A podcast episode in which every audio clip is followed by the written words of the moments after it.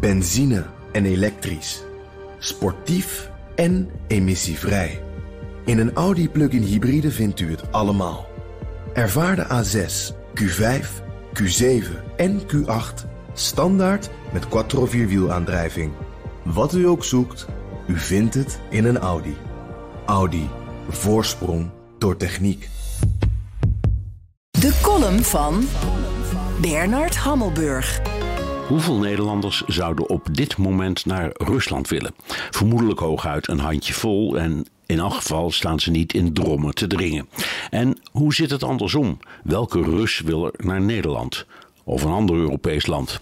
Dat is een lastige. Het antwoord is veel meer, maar dat zijn voornamelijk mensen die politieke motieven hebben. Moeten we iedere Rus die naar Europa wil een visum weigeren?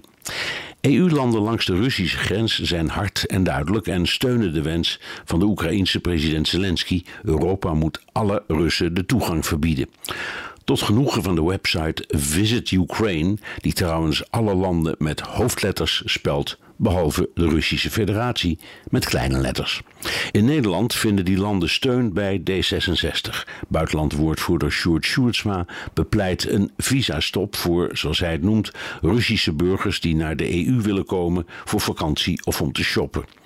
De Duitse bondskanselier Scholz is tegen, omdat niet alleen politiek geëngageerde tegenstanders van de Russische oorlog hun land uit willen, maar ook gewone reizigers die een tijdje aan de vrijheid willen ruiken.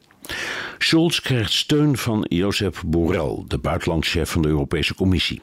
Oligarchen en hele tritse mensen staan al op de sanctielijst, terwijl er al 300.000 Russen zijn die hun land zijn ontvlucht uit onmin met de oorlog en het leven onder Poetin. De kwestie wordt een belangrijk agendapunt op een EU-top van ministers van Buitenlandse Zaken in Praag.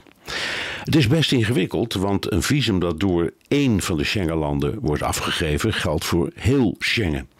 Het wordt een totale chaos als het ene Schengenland wel visa afgeeft en het andere niet.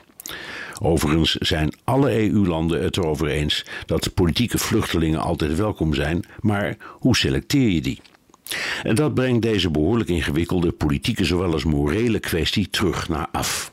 Op de Engelstalige website van de Nederlandse overheid staat onder het kopje aanvraag voor een kort verblijfvisum voor Schengen in de Russische Federatie.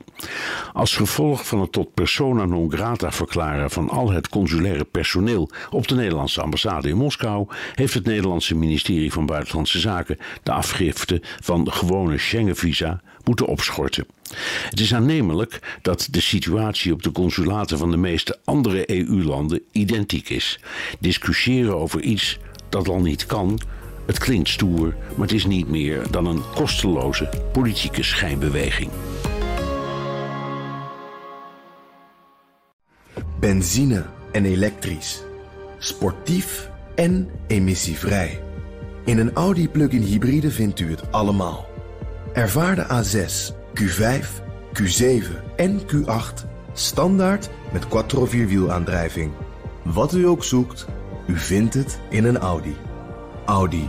Voorsprong door techniek.